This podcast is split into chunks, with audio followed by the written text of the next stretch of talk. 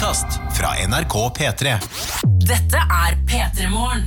Med Martin og Adelina. Og der tenker jeg vi er restartet og eh, med hele gjengen. Jeg håper i hvert fall det. God morgen, Mirmen Jesse. Gratulerer, du har stått opp i dag. Og gratulerer. Folk har altså kanskje overlevd eh, årets eh, varmeste natt hittil i deler av landet. Helt vilt i natt.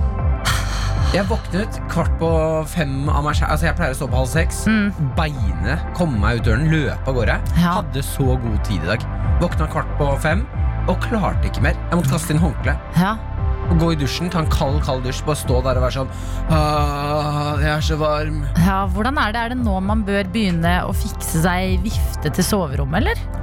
Å ja, man burde egentlig gjøre det før. Ja, fordi det var en sommer Aner jo ikke hvordan resten av været blir i juni eller juli og august og sånn. Men det var en sommer det var jo helt tomt for vifter overalt. Ja, det var jo helt kaos. Ja, Der det var, altså, det var slåsskamp i butikker om den siste vifta. ja, ja. ja. Én vifte igjen. To folk. Uh, Den Slåss. siste viften. To sverd. Og det er en film jeg har lyst til å se. Jeg også. Nei, fy søren, det var varmt i natt. Men vi klarte det. Vi kom Ja. oss gjennom det. Jeg tror også jeg attpåtil er litt solbrent. Og du vet ja, når vi kjenner at huden er liksom litt varm. Uansett, ja. Mm. ja. Jeg tror også det er uh, i- eh, Det er ikke så ofte man kan klage på å få dele seng med en partner. Nei. Akkurat nå så er det eh, faktisk en ulempe. Ja. Ja, altså, Maren varna meg i natt, og da var det Du har ikke verna meg! Mm. Det er så varmt! Ja. Du går bort! Husj! Ja, husj! Husj med. Men eh, var Mumphy også, altså hunden deres, oppi sengen? Ja. Ja, hvordan går det med henne i varmen? Nei, hun øh, jobber på. jeg tror hun sliter veldig. Ja, for jeg så en hund som lignet på Mumphy i går, Ja. som bare hadde gitt opp. Jeg har gitt opp, ja. Ja, den hadde bare gitt opp. Det lå altså, på sånn varm asfalt. Eller det, det så egentlig litt digg ut også. Og bare liksom lå rett ut. Øynene lukket. Helt stille. Ja. Så var det liksom noen andre hunder bak den hunden som drev og bjeffa og løp og styra og ordna, mens den hunden der hadde bare skjønt meningen med livet, tror jeg. Det er å legge seg ned her og bare prøve å puste. Ha det varmt. Nei, Litt det, blir for ikke, varmt. det blir ikke lange turer nå. Nei. For du merker sånn, Det tar sånn ti minutter, og så ser du at tunga er ute på helt ute på sida. Ja. Hunder svetter jo ikke, vet du. Nei, de svetter gjennom tunga, gjør de ikke det? Jo, det er veldig rart. Tenk hvis men vi mennesker skulle gjort det. Da må vi ha hatt sånn øh, spyttebøtte ved siden av oss. Ja.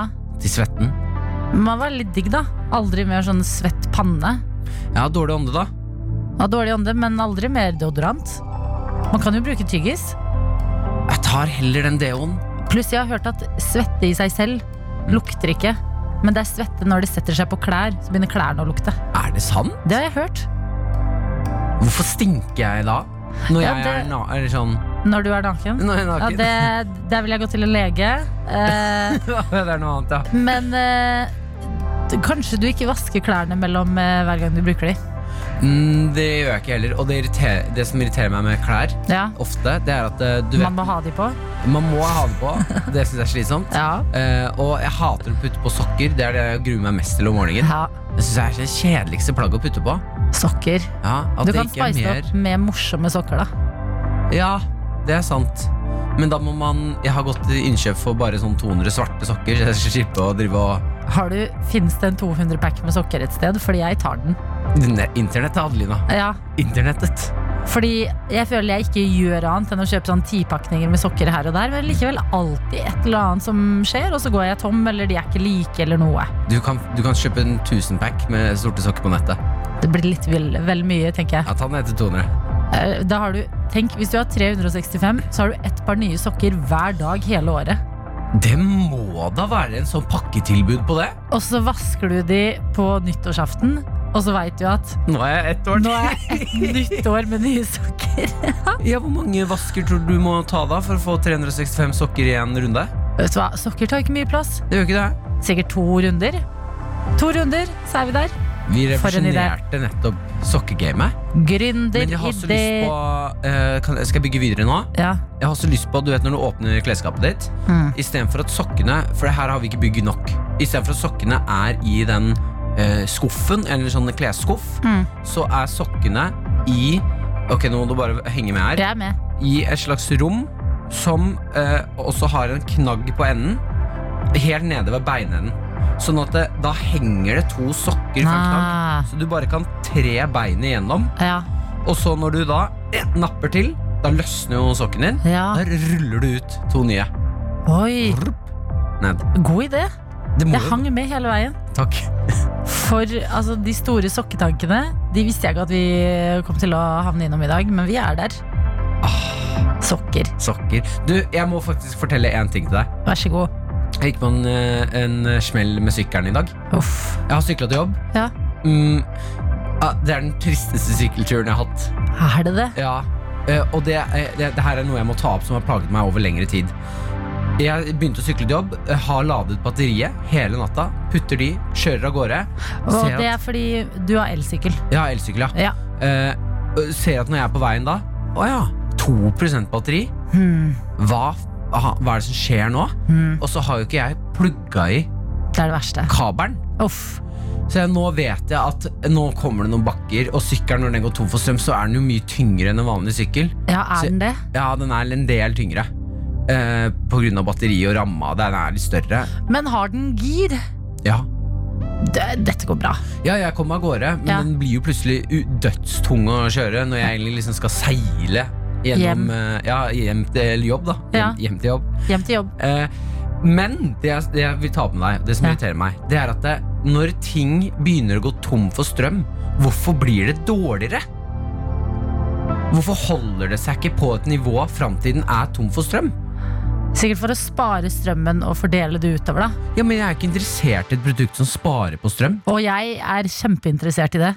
Hvis jeg, kan, hvis jeg har 5% igjen av mobilen, Hæ?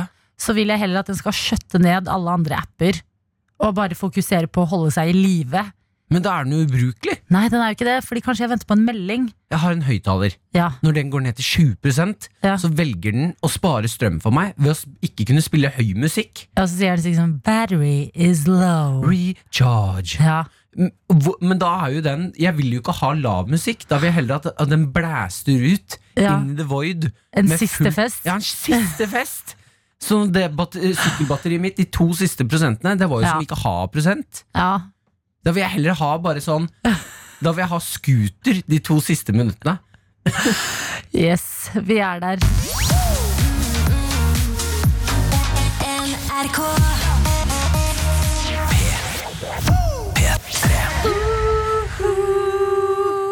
Du, du treffer, Adelina. Gjorde jeg det? Det er som bare rakkeren. Smør i mine ører. Da vil jeg gå herfra nå. Jeg kan ikke si noe mer. Å, nei. det, jeg har piket allerede i dag. Ah, ok, Takk for nå, folkens. Det var hyggelig 27 minutter. ha det bra. dere. Ha det. Ikke dra. Ikke dra. Nei, jeg blir litt Ja. til. Fordi det er så hyggelig å starte dagen sammen med deg, Martin. Og deg der ute som er med, det vet vi, for nå har vi faktiske bevis i innboksen vår. Ja, Produksjonshege er med oss. Hun skriver jippi! DNB har fikset feilen, og jeg fikk lønn i dag. To dager for sent. Jeg tenkte på det da jeg leste på nyhetene i går at DNB hadde problemer og eh, sleit med å få ut både lønninger og feriepenger. Så tenkte jeg sånn ah, nei, nå sitter det noen der ute og venter og venter. Men nå er de på plass. Ja, Og det er den kjipeste når du er sånn Å, i dag har jeg fått lønn! Mm. Og så tar du kortet, og så Avvist? Hva? Hva er det her for noe? Ja. Og så ringer du banken din, og så har du, du har ikke noen å kjefte på. Mm. For banken er bare sånn Vi vet ikke. Nei. Ah. Så har vi også fått inn en så romantisk og hyggelig snap her. Oi. Her er det uten navn, men her er det bilde av en kaffekopp på et bad. Og så står det 'Har verdens beste mann som serverer meg kaffe på, ba på badet hver morgen'. Det har han gjort hver dag i syv år snart. Kun fordi han vet hvor glad jeg blir. Jeg, oh. Det der ja, er så sykt hyggelig. det er altså sånn uh, ja, Ja, nei, det er bare kjærlighet. Det er uh, flotte greier. Vi har også med Julie som skriver god morgen. Begynte å høre på dere da koronaen stengte Norge. Nå hører jeg på dere hver dag. Har tatt meg en feriedag i dag, men våkna tidlig, så jeg forta meg med å sette på radioen for å høre på. Ligger i senga og chiller nå, og senere skal jeg ta med barna mine på stranda. Dette blir en nydelig, flott dag. Kjempehyggelig å ha deg med. Utrolig hyggelig å ha deg med, Julie. Jeg elsker at du ga oss en sjanse under korona og ble med oss videre. Ja, For en, for en tøyte du er. Det er, ja, for en tøyte du er. Class A tøyte. Kan jeg også ta med en melding vi har fått fra en eh, bioingeniør? Kanskje du bare kjapt skal forklare tøyte til de som hører på, som ikke vet. Hvis du er helt ny til dette programmet, vi prøver å ta tilbake ordet tøyte, gjøre det til noe positivt. Har sagt at hvis du ser Martin eller meg noen gang, så må du si 'din tøyte'. Og da svarer vi, Tøyte. og så stirrer vi deg inn i øynene. Og så vet vi at vi er morgengjengen. Vi er de som står opp sammen og er venner av dette radioprogrammet. Morgentøytene. Bioingeniørmelding nå. Hei, står det her. Svette, som vi snakket litt om i stad, er et sekret som inneholder vann og små mengder salt. Og når denne saltblandingen kommer ut av kroppen, lukter den ingenting. Grunnen til at svette lukter, er fordi bakteriene som ligger på utsiden av kroppen, liker svette. Spesielt den som kommer ut ifra armhulene. Svette inneholder fett, proteiner og cellerester som bakterier er glad i. Bakteriene spiser svetten, og så lukter det. Ha en fin dag. Hilsen bioingeniør. Kroppen er så fascinerende. Det er sånn, å ja, Protein, men Hvis det kommer proteiner ut av svetten, hvorfor bruker vi ikke svetten til Proteinshakes. Ja, for. Hvorfor står det ikke folk på treningssenteret og blir svette og bare i underarmen? Bare, ja, det, det er proteiner, skjønner du. Eller bare sånn doner bort eh, Si at du har vært på treningssenteret og svetta. Ja. Da kan du gå gjennom en børste. Den suger inn svetten. Ja. På andre siden da så får du proteinshaken din. hvert den svetten. Ok, Vi kan gå over på noe annet hyggeligere. Eh, vi har fått en snapper her, ikke noen annen, men eh, det er en nydelig selfie av en herremann i en bil. Her står det 'På tur ut for å jakte mammut'. Ha en fin en. Mam mam lever mammut? Nei, det her må jo være det vi snakket om i går. Å jakte mammut. Det er å liksom eh, Altså, hvis noen jakter mammut nå, så blir jeg Nei, det går jo ikke. Og, altså, snakket ikke vi om i en annen setting i går å jakte mammut? Jo. At jo, å jakte mammut er å finne en kjæreste som er flink på å fikse ting. Du og jeg, Martin, vi er ikke så gode fiksere. Vi er bærplukkerne. Back in the day. Ja, å ja! Mens du har funnet Maren, som kan å jakte mammut fordi hun er handy som bare rakkeren. Ja. Eh, jeg har dessverre utrolig Jeg har eh, vært borti flest eh, ubrukelige bærplukkere i, livet. Så jeg trenger en mammut snart, og jakter også mammut. Skjønner du? Ja, ja, ja, riktig. En handy, en handy mann. Du skal ut og jakte mammut, ja, da er du en handy, handy person. Ja, du er handy, du også! Ja, ja. Hvis Ah, man skal ut og jakte mammuten. Ja, fordi nå tenkte jeg at mammuten var eh, Den handy er. den handy, men Nei, nei, nei. du er handy. Jakter man mammut, så er man handy. Plukker man bær, så er man ikke handy. Mm. Men Vi er begge bærplukkere. deler trenger man. Man trenger begge deler. Altså, Man får ikke god suppe uten noen bær. Man får ikke dessert. Mammutkjøtt! Ja, ja, men hvor er desserten? Hvor er blåbærene? Herregud, jeg elsker det. Eh, Jeg skal ta med en melding til. Den kommer fra Ashvi. Og den står Liv Altså, det står her. Livet smiler i disse varme dager. Grip dagen og spre kjærlighet. Ønsker dere en fin dag, Norge. Den ser jeg var fin. Dette er P3 Morgen. Med Martin og Adelina. Du, eh, Vi må prate litt om Kari på 59. Kari på 59. Kari på 59 som eh, har truet, eller har faktisk begynt nå, å gjøre noe som jeg Det er lenge siden jeg har hørt noe som helst om. Så, Kari på 59 har begynt å sultestreike. det er vindkraftutbygging på Altså, sist må vel være Gandhi, var det ikke det, da?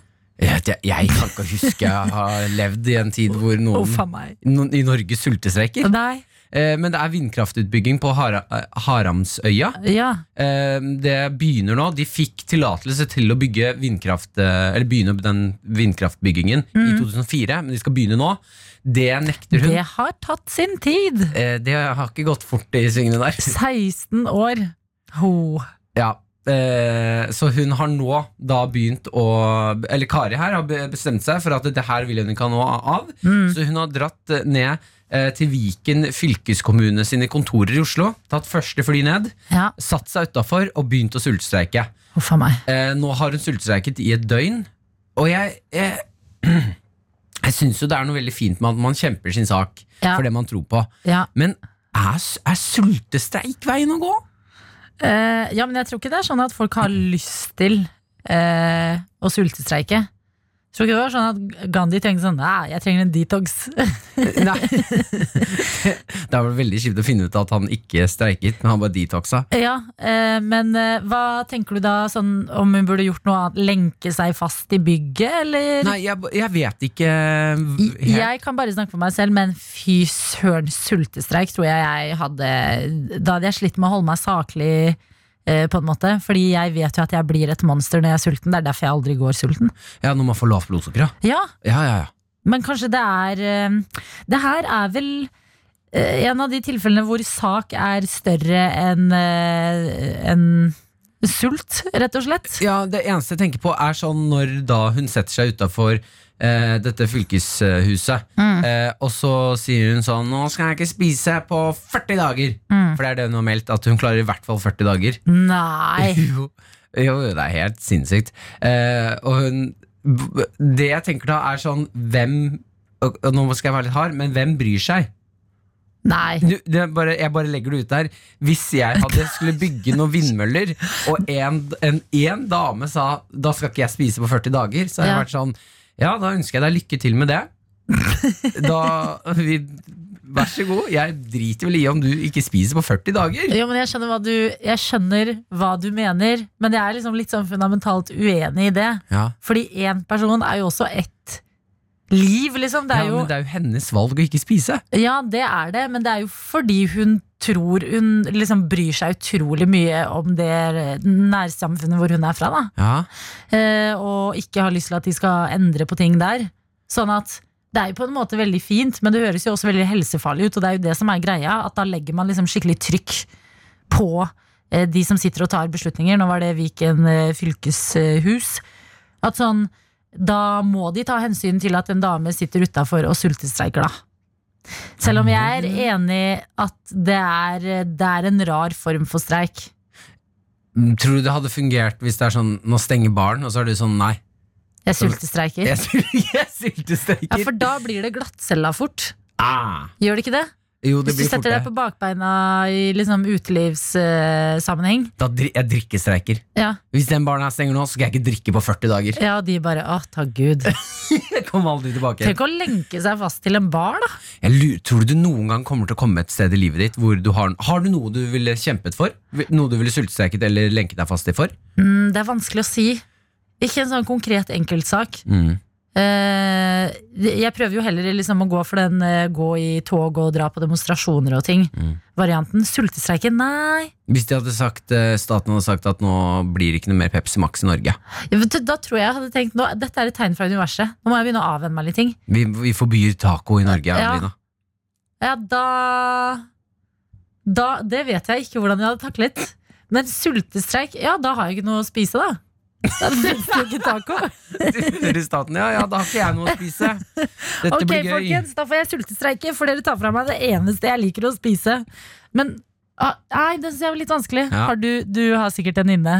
Ja, nei, ikke noe spesielt å tenke Nei. på. Ja, men eh, jeg vet ikke om jeg hadde Jeg hadde nok ikke gått for eh, sultestreiking, for det hadde jeg ikke klart. Nei. Jeg hadde begynt å jukse med en gang. Altså, Ti minutter inn så hadde jeg vært sånn fy faen, jeg er sulten. Ja, for tenk å stå utenfor en bygning hvor de går liksom inn og ut med dagens lunsj. Men jeg hadde nok heller trua med blotting. Æsj. Ja, Du er Men det er, da er det jo Det er ulovlig. ja Skal jeg stenge baren? Ja. Eh, Men jeg kommer til å vise deg Jeg kommer til å vise deg kukken. La den setningen synke inn.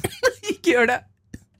Jeg skammer meg litt nå. Jeg elsker de gangene jeg bare kan lene meg tilbake, være stille og bare drøye med å sette på Det musikk. er det verste når det blir helt stille.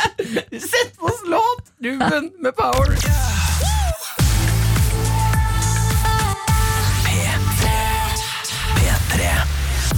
Admiral P og låta Kallenavn i dagens Osteonsdag. Takk skal du ha, Martin. Jo, ikke noe problem. En nydelig, cheesy låt, og eh, jeg får lyst til å ta opp en ting.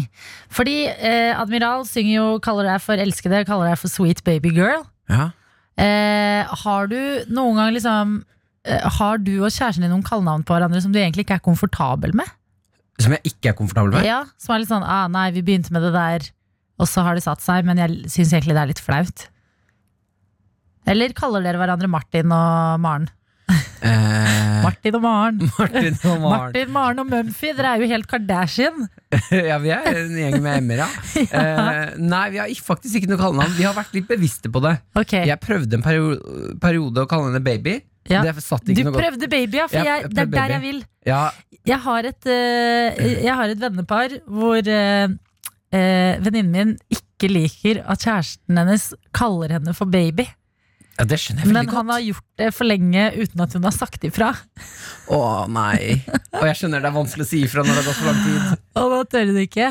Og når han Eh, sier sånn 'hallo, baby', går det bra, baby? Ja, baby. Men sier han det foran da kjæresten og andre venner? Ja, Fordi- litt sånn uten at det blir helt sånn her Hei, kjære. Det er Der- litt tull, liksom. Og det er jo det som er med baby. Man sier det litt sånn Det er litt for de som sliter å være superinderlige. Baby er søtt, men også litt, uh, Litt tullete, distansert. Ja, Så man kan finne på, jeg kan finne på å si 'halla, baby'. ja. Bare sånn, tulle det ordentlig bort. ja, for baby, da tenker jeg på spedbarn.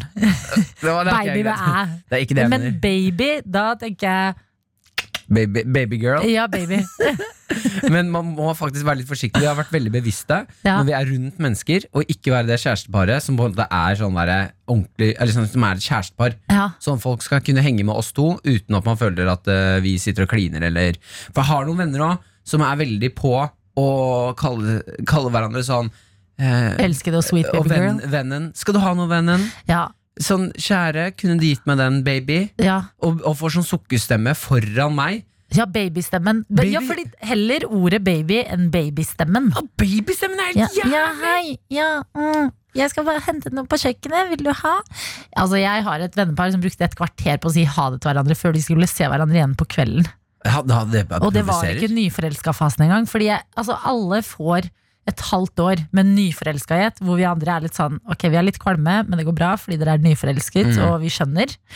Eh, men når det drar ut til å bli en sånn der klisjéserie av ting, så blir jeg sånn Hva skjedde? Hva, hvor eh, gikk vi igjen her? Og så tenker jeg at eh, hvis du har vært sammen i eh, lang, en lengre stund, og du fortsatt driver med det der at det tar et kvarter å si ha deg, Mm. da skjuler du noe. Har ikke, det, har- som forhold da, så kom, overkompenserer dere. Ja, Hvis ikke du kan uh, bare uh, klappe, Klappe en tåta. klappe en tåta, si Ja. ha det, vi snakkes etterpå, mm, rett på truten, og så stikke. Og helst ikke et sånn vått klin. Nei, For det er utrolig- En liten tørr sånn. Ja, Mm. suss, som man kaller det. God En sus. god gammeldags suss. Men det har jeg tenkt også på med, i det engelske språket, når de kaller hverandre for honey. Mm. Tenk om man hadde gått rundt og kalt hverandre honning i Norge. Hei, Det er jo- honning. Fordi honey har på en måte mistet litt betydningen for meg. Det er jo honning. Jeg kan dele én ting som jeg syns er litt flaut. Ja, det. Eh, men jeg husker ikke hvor det startet heller. Men hun Vi hadde en Å, da er du flau. Vi hadde en periode Jeg hadde ah, jeg Nå blir du helt sånn Scooby-Doo. Jeg komme på Det var noe senere i hodet mitt hvor jeg ligger på sofaen og kaller henne delfinen min. Jeg husker ikke hvorfor. Jeg husker Vi har ligget på senga, så er jeg sånn ah, Delfinen min. Men vet du hva? Det her ser jeg spennende. Ok, folkens. Her føler jeg vi har eh, vi, vi treffer en nerve på et eller annet. Hva kaller du din elskede, din sweet baby girl? Altså Har du et eget kallenavn? Og ikke minst, har kjæresten din et kallenavn på deg som du egentlig ikke liker? Da er det lov å dele, dele begge deler hos oss i dag. SMS, kodeord P3 til 1987 eller Snap. Delfin, Martin. Jeg vet ikke hvor det kom Jeg husker ikke hvor det starta. Fordi de er så kåte, liksom. Ja, kanskje det var det. Det må jo være det. Hvorfor ellers? Fordi det er våt. Æsj! Men Hun har, hun har sånne Fordi hun er søt. Nei, nei, nei! nei. P3 Morgen. P3 Morgen. Med Martin og Adelina. Misslig og kompliserad på P3 fem minutter på syv, som betyr at det straks er tid for nyheter her hos oss. Men før det så må vi bare ta en tur innom innboksen, fordi vi snakket litt om sånn eh, spesielle kallenavn man har på kjærester. Ja. Og her har det kommet inn eh, et fra en som ikke har skrevet navnet sitt, men eh, sier 'Jeg kaller dama mi tøvsjur'. Tøvsj- Tøvsjur. Tøvsjur? Ja, ja. Å nei, det, nå, det hørtes stygt ut. Jeg Syns du det? Sjur er jo fugl. Er det ikke det? Eller vent litt, sjur. Nå kan det hende at vi har blitt lurt. Nå kan det hende at vi sier noen stygge ord på radioen her. Nei, men er ikke Jeg tror sjur betyr både fugl og er slang for eh, fitte på trøndersk. Jeg kikker på vår Å, Ja. yes! Videojournalist Daniel Rørvik fra Trøndelag nikker til meg. Kan du nikke Er det stygt, det vil si er tøvsju stygt? Sånn bob-bob. Eh, kan du fortelle oss, Daniel, hvis du nikker nå, er det du som har sendt oss denne meldingen? Nei. Nei, det var det ikke. Han kaller Spennende dama si noe helt annet. Det er bare å sende inn uh, flere. Kodord P3 til 1987 eller Ja, Snap. ja, vi har fått noe på Snap òg. Ok. jeg syns det er et veldig gøy bilde som blir malt. Uh, det her er fra Martin, som skriver Kaller kona babe, men hun kaller meg pus. Jeg er en mann på 1,90 og veier 130 kilo med langt skjegg. Det føles bare feil. Du burde jo heller kalle han spekkhogger. Spekkhoggeren.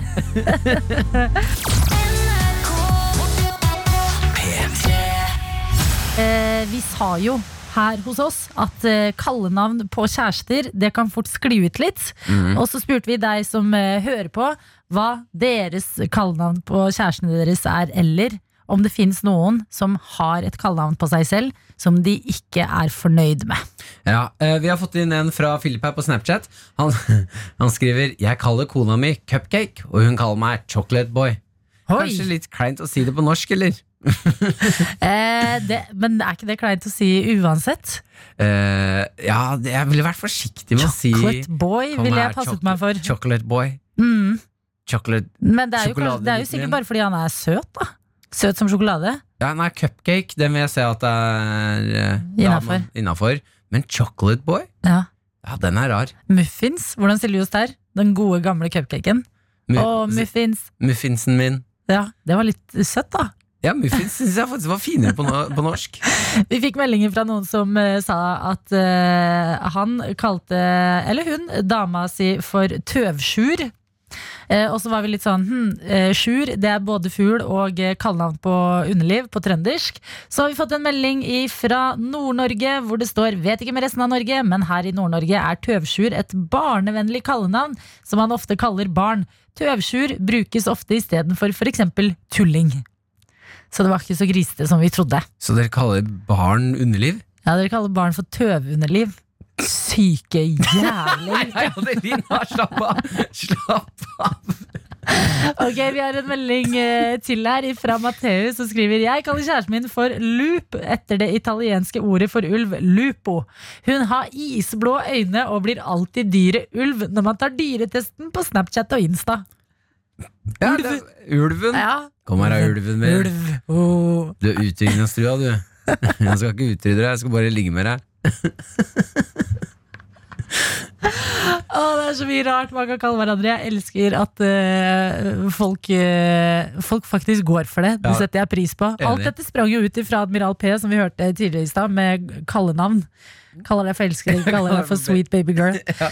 men Det er godt eh, dere deler, folkens. Tusen hjertelig takk for det. Vi skal videre her hos oss til noe vi gjør hver eneste dag.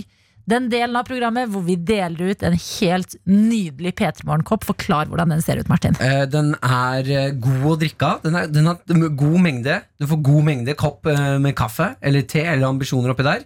Eh, Og på siden av koppen så står det 'Gratulerer, du har stått opp'. Yes. Og jeg må si, jeg har drukket eh, kaffe av den i helgene når jeg står opp. Og det er så hyggelig å sitte og drikke kopp, en kopp kaffe Ja. um, når, det står, når du får skryt fra å ha stått opp. Ja, Mm. Og det er drømmen min. Tenk å en gang stå opp, og så er det pynta i leiligheten, sånn som det er når noen har bursdag, med liksom ballonger og litt eh, champagne til frokost og masse digge rundstykker. Så bare ok, hva er anledningen? Nei, du har bare stått opp i dag. Herregud, du Det er kjempeflink, du har stått opp i dag. Men du få mer skryt for sånne små Ja. hverdagsting. De små tingene. Bursdag har man bare én gang i året. Ja. Stå opp gjør man hver eneste dag. Champagne hver morgen. Ja, Gi meg litt av det.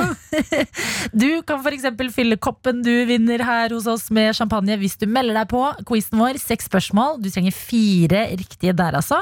Og i dag har jeg latt meg inspirere litt av tiden vi er i. Det er onsdag 17. juni.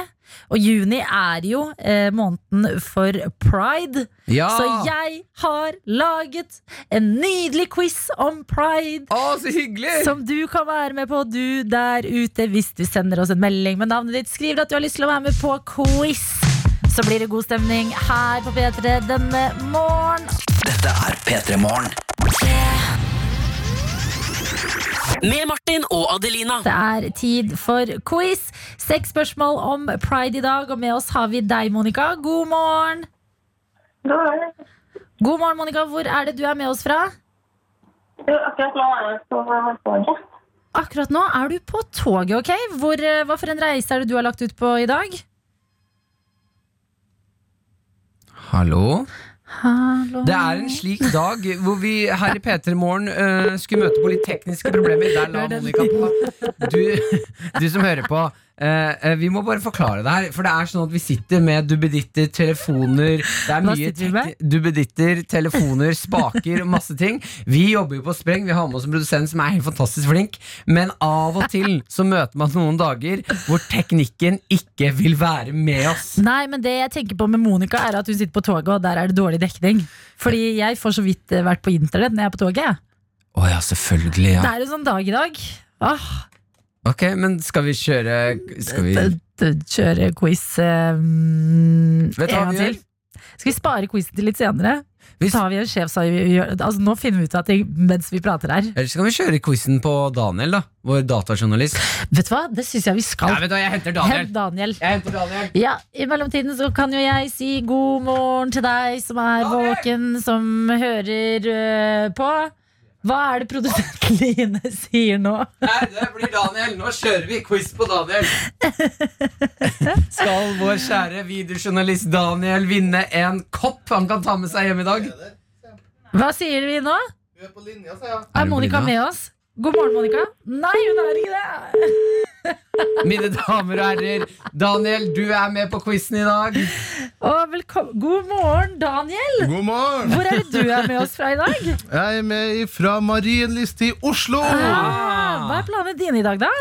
Nei, jeg håper nå å få nytt litt av den fine sola som her er i hovedstaden. da Ja, eh, Og så håper jeg å spise eh, litt god mat. Hva er favorittingene å spise, Daniel? Åh, vanskelig, men kanskje vi skal i det asiatiske hjørnet? Asiatiske hjørnet. Ja. Mm, har du en favoritt-asiatisk rett? Oh, um, Vårruller. ja, Tom vi kan si det. Orre. Ok, men vet du hva, da sier vi det. Daniel, i dag er det altså en quiz om pride på NRK P3 du skal være med på. Er du klar? Kjør. Seks spørsmål. Vi kjører quiz!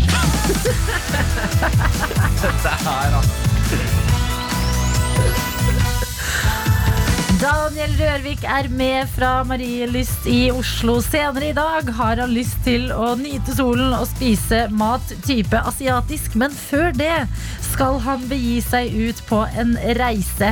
Quizen handler om pride, og her kommer første spørsmål, Daniel. Ok. Regnbueflagget det har jo blitt et symbol på pride, og jeg lurer på Er det fire, er det seks, eller er det sju farger i regnbuen? Jeg, bare følge, nå skal jeg ikke tenke. Nei. Bare følge magefølelsen. Fem. Det er Tror du det er feil. fem? Jeg bare, jeg bare tok det første du slo meg. Det er dessverre feil. Det er syv. Ok. Rogbiff er huskeregelen. Ja! Og det hjelper deg kanskje idet vi skal inn i spørsmål nummer to. Daniel Rørvik, nevn fem av de syv fargene i regnbuen. Rød, oransje, indigo, Ja. eh, grønn, blå. ja! Det er fem riktige! Kjempebra. Poeng. Nå Ok, stolt du ser ut. Åh, men har ikke du sagt, hvis du ikke har sagt rogbiff Det er slitt, ass. Men vi må hjelpe litt til i denne quizen. Ok, Vi skal ei lita tur til eh, USA. Fordi i USA så er det to presidenter som formelt har anerkjent juni som pride-måneden. Barack Obama var den siste som gjorde det. Men hvem var den første? Vil du ha alternativer? Ja. Ok, Alternativene er Bill Clinton, George Washington ja. eller George Bush. Jeg har lyst til å si Clinton, jeg. Du går for Clinton. Ja. Ja, det er helt riktig. Ja, da. To poeng er inne. Ok, ok. Daniel Rørvik. La oss si at du har gått i Pride-paraden og skal inn på den store Pride-festen. Men herregud, vaktene sier at du er for full til å komme inn. Hva sier du for å overbevise vaktene om at nei, du fortjener din plass der inne? Se meg. Se, se meg. Se, se meg inn i øynene. Altså, jeg har drukket to øl. Se, se på meg, da. Altså, det, jeg har Bare la meg få komme inn. Jeg skal bare kjapt inn. Det er poeng. Det, det vil si at du har tre inne. Og det er jo her det blir veldig spennende i quizen. Det er litt vanskelig spørsmål igjen, det må jeg bare innrømme. Ja. Men eh, pride er ikke bare fest og moro, det er jo viktig kamp også, dette her. Og historie, ikke minst. Så her kommer et lite historisk spørsmål, Daniel Rørvik. Er du god i historie, eller? Medium, vil jeg si. Medium. Vi får nå se, da. Daniel, jeg spør deg. Hvilket land var det første landet til å lovliggjøre registrert partnerskap for homofile? Ja. Og ikke alternativ? Vil du ha, vil du ha et hint? Jeg har gått for hint. Ja. Det er ikke så langt unna Ok, det er ikke Norge. eh, Og det er ikke så langt unna Norge. Nei, første slo meg var Island. Hmm, jeg ville venta på et slag til. Hysj. Danmark, ser vi. Er det ditt endelige svar? Ja, vi kjører Danmark. Finland Ja, jo, Danmark. Ja, Finland eller Danmark? Danmark! Ikke Sverige? Nei, Dan Danmark.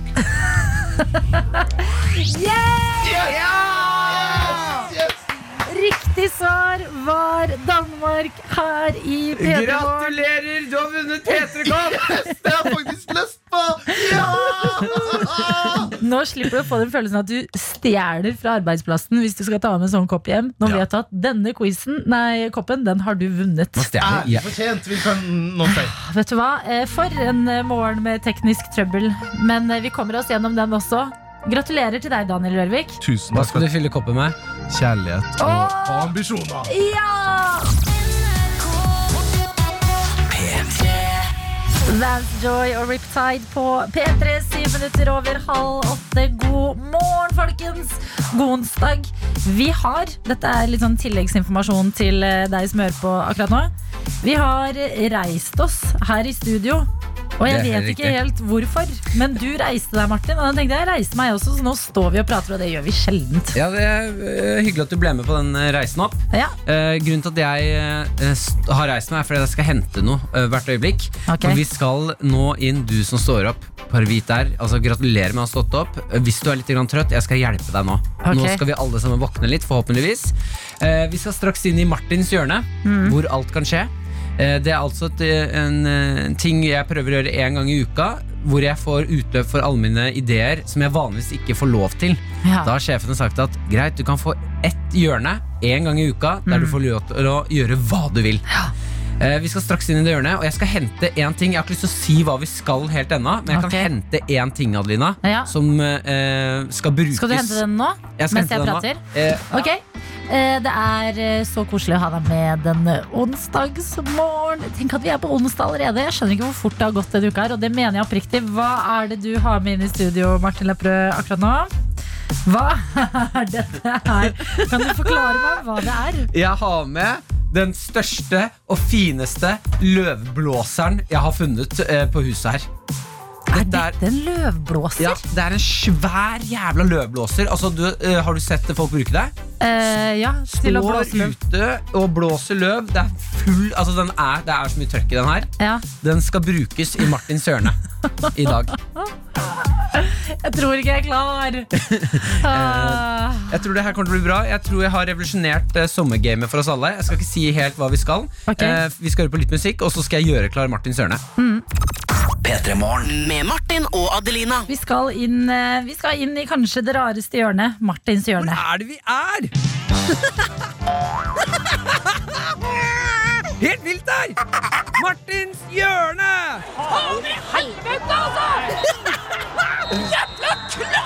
Hvor alt mulig kan skje! Ja, velkommen til Martins hjørne skal de være. Tusen hjertelig takk, Martin. Yes, jeg har bestemt meg for denne uken å løse et problem som har oppstått nå i sommertiden. Eh, Enmetersregelen gjelder fortsatt. Ja. Nå eh, skinner solen på sitt sterkeste. Det kan være vanskelig å smøre seg med solkrem uten eh, å få hjelp fra venner. Ja, Dette har jeg lyst til å prøve å løse.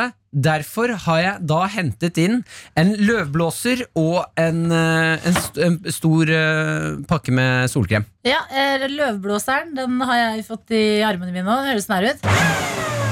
Å, det er trøkk, ass! Den er så svær. Det ser ut som et krigsvåpen. Å, du, å, du kler uh, gunneren, holdt jeg på å si. Ja, gjør jeg det? Ja, absolutt. Uff a meg. Ok, Det jeg skal gjøre nå, jeg skal hente en, en flaske med solkrem. Den Mm. står ved døra der. Uh, Line, kanskje du kan komme med den? Mm, der kom produsenten inn med litt solkrem. Tusen takk. Ja. Eh, jeg skal gå nå. Å, Martin, jeg skjønner hvor det bærer den der. Ja. Du har en eh, tallerken foran deg, og eh, eh, baris ja. er på plass. Nå er jeg liksom på stranda. Ja. Eh, det som skjer da, er at jeg tar og eh, Nå skal jeg ta solkrem. Og så Poenget her er at eh, du skal kunne smøre meg med solkrem uten å ta på meg. Ja. Så nå har jeg en tallerken for meg. Da smører jeg den ja. tykt med Å, jeg er så redd. Oi, jeg har aldri Masse- sett så mye solkrem. Det ser litt ut som grøt. solkrem. Sånn. Nå er det masse masse solkrem på tallerkenen. Poenget, det jeg håper skjer her nå, er jo at du kan blåse denne solkremen på kroppen min. Sånn at jeg slipper å smøre meg selv.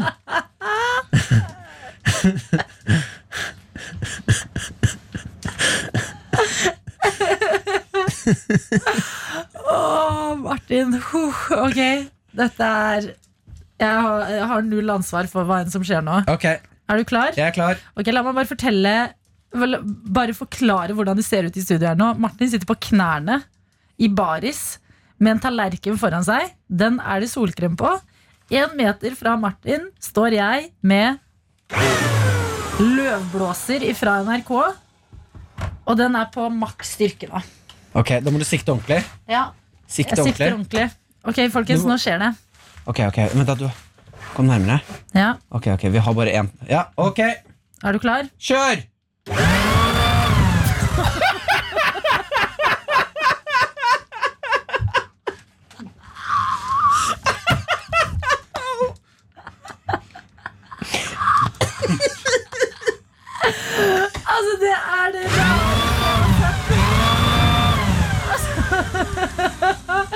Altså, det funker jo! Du er jo dekket i solkremeren. Det fungerte mye bedre enn jeg trodde!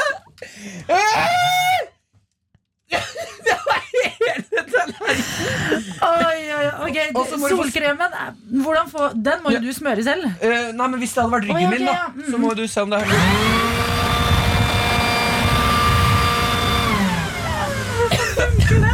Det funker!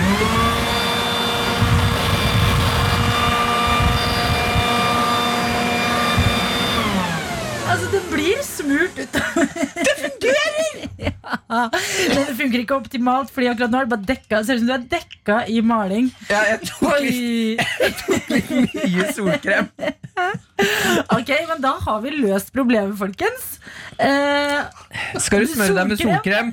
sliter med enmetersregelen, ta med en løvblåser, en flaske med noe hvitt, så er du der. Og det har sikkert faren Altså Det er typisk at fedre har sånn i garasjen. En Ja. løvblåser, er det ikke det, da? Jo, Går det bra med fått solkrem i øya? Jeg har fått ekstremt mye solkrem i øya. Ah, Jeg trodde ikke at det skulle bli så god trøkk. eh. Altså, hele studio er et eh, rot akkurat nå. Det er hvitt overalt, og dette må vaskes på en eller annen måte. Men Martin har fått solkrem på kroppen, og vi har fått testa noe som funker. Så da kan vi trygt si kids, try this at home.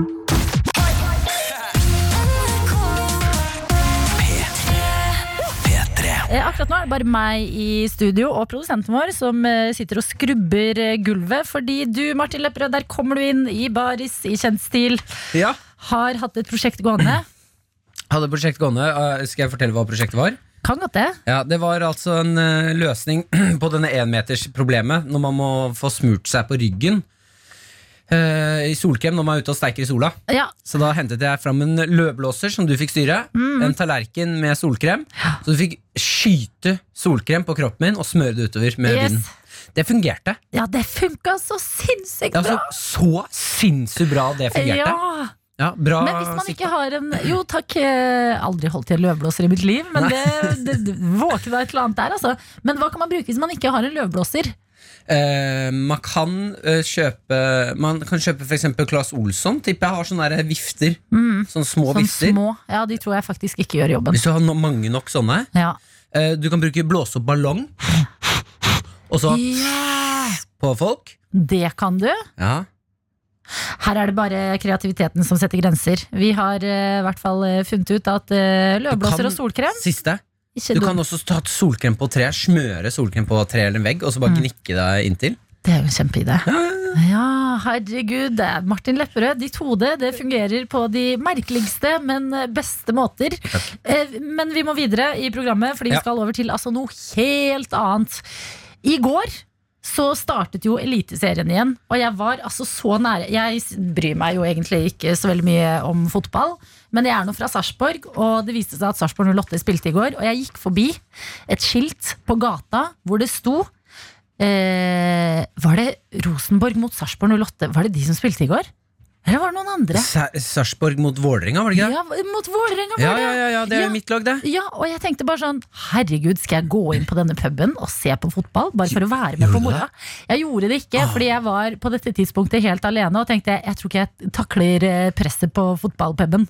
Jeg tror ikke jeg klarer Du det. må ha med noen venner i den kampen. Jeg må ha med noen venner inn i den kampen, men det er liksom litt stas at det nå begynner igjen. Og i hvert fall fordi det vitner jo om at uh, ting går litt tilbake til normalen. Og derfor så får vi besøk i dag av eh, en dame som virker så sinnssykt kul. Hun er altså nye ekspert, fotballeksperten til Eurosport. Og eh, følger fotballen, har stålkontroll, har til og med trent et herrelag før. Som er veldig sånn heimebaneaktig, hvis eh, du spør meg. En TV-serie jeg absolutt elsket. Og hun kommer på besøk til oss i dag for å snakke litt om hvordan er det på en måte når fotballen skal starte opp igjen etter en så lang pause. Ja, eh, det lukter mye skader. Slitne spillere, dårlig fotball. Gjør, gjør, dårlig fotball, mener du det, altså? Ja, folk må jo være rustne nå. Ja, de Tror du må ikke det? jo det. P3morgen. Med Martin og Adelina. I går så ble Eliteserien sparka i gang igjen etter en aldri så liten koronapause.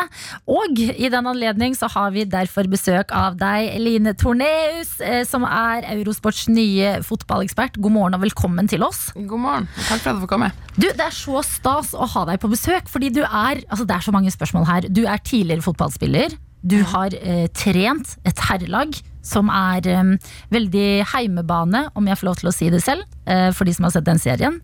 Og ikke minst så er du nå altså Eurosports nye fotballekspert, som høres så sykt sånn stort og viktig ut. Hvordan, eh, hva, hva, hva innebærer egentlig den jobben, eh, Eline? Eh, Det innebærer vel egentlig at jeg får, eh, får bruke tida mi på å synse og mene om min store lidenskap. Sånn at eh, det å få sitte i studio og se på fotball, det jeg ikke det finnes så veldig mye bedre jobb enn det. Men er det sånn da at du på en måte At du føler du må være litt sånn ekstra Eller litt annerledes i hvordan du prater om fotball kontra du, hvordan du vanligvis gjør med venner og lagkamerater og folk du trener?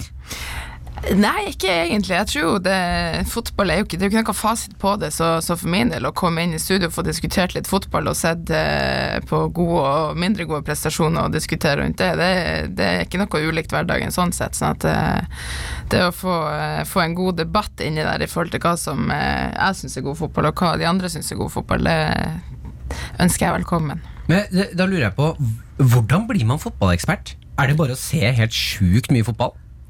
Ja, jeg tror jo eh, Hele mitt liv har jo dreid seg om fotball, sånn at helt siden jeg vokste opp, så er det det jeg har holdt på med. Eh, hvordan jeg fikk den jobben her, det var jo at jeg ble eh, oppringt av Eurosport tidligere i vinter på bakgrunn av at jeg har vært eh, litt lokal fotballekspert her i Tromsø for eh, avisa Nordlys. Ja. Så eh, det er et veldig godt spørsmål. Jeg had, har aldri drømt om å kunne skulle begynne å jobbe med det her, sånn at jeg, vet ikke sjøl, rett og slett. Men det er jo sykt gøy, da. Men det jeg tenker på eh, er litt sånn hm, Hvordan balanserer man det? Det er fordi hvis man er så fotballinteressert som du er, da, Eline, som liksom har holdt på med det på forskjellig plan hele livet, eh, mm, så må man vel være litt nøytral i jobben. Sånn, du kan ikke sitte og liksom heie på ditt favorittlag. Hvordan klarer du å holde deg eh, objektiv når du skal prate om den store lidenskapen din? Er ikke det litt vanskelig? Ja, for så vidt så er det jo det. Eh, mine favorittlag sånn sett det er jo eh, TIL her i Tromsø og, og Skjervøy fra der jeg kommer fra. Og Skjervøy spiller i tredjedivisjon, og TIL røka dessverre ned til førstedivisjon i fjor. Sånn at sånn sett så, så får jeg ikke muligheten til å skulle få for, eh, forholde meg objektiv i forhold til mitt favorittlag. Da. Sånn at eh, jeg tror det skal gå fint å, å klare å snakke fotball sånn sett. Har du vurdert å bytte lag til et lag som er høyere oppe? Nei, det er utilgivelig. Det går ikke. Du følger de oppgangen og nedturene. Det høres veldig bra ut, Eline. Men altså, i går så starta jo fotballen her i landet igjen. Eh, og jeg gikk selv rundt i Oslos gater og så at det var folk på fotballpubene. Det var sånn krittavler utafor hvor de hadde skrevet hvilke lag som spiller. Å, det er var deilig å høre. Ja, det var liksom stemning rundt det, men hvordan, altså Forventningene var skyhøye fra folket, som åpenbart har savna det her. Men eh, hvordan ble kvelden i går? Eh, den eh, ble litt todelt for min del, for jeg måtte på, eh, på avslutning med gammeljobben min, der jeg hadde VG3-elever som skulle uteksamineres, holdt jeg på å si. Så, eh, men jeg fikk jo, fikk jo med meg det meste, og det var jo akkurat sånn jeg forventa egentlig der. Du har noen som skuffer, og du har noen som imponerer, og du har noen som på en måte overpresterer over all forventning. Sånn at eh, den runden i går inneholdt egentlig det aller meste. Var du sånn person som var på den avslutningen for elevene dine og var sånn Å, jeg må bare på do igjen. Altså skal jeg være så ærlig å si at jeg vurderte å flekke opp telefonen, men jeg klarte å holde meg for god for det. ja. Men sånn, eh, en ting er sånn alle lagene eh, konkret, og ja, de gjorde det bra, de skåret masse mål, og uh, uh, uh. Jeg, jeg kan åpenbart ikke så mye, Line, men sånn eh, Var det var, var det preg av at folk ikke har spilt fotball på en stund på banene rundt omkring i går? Både ja og nei. Eh, det var egentlig litt som forventa, for det er jo ei serieåpning eh, er jo egentlig veldig nervøs i utgangspunktet, der folk tar og følger litt på, på hverandre. Og eh, er veldig spent på hva, hva de forskjellige lagene har å komme med. Så, så sånn sett så, så syns jeg ikke serieåpninga i seg sjøl var så veldig ulik hva den ville vært normale omstendigheter. Men det som blir interessant, er jo kanskje runde nummer to, tre og fire, og se hvordan det blir der. Om det fortsatt er den nervøse stemninga som kanskje er prega av at alle lagene ikke har fått trent ordentlig.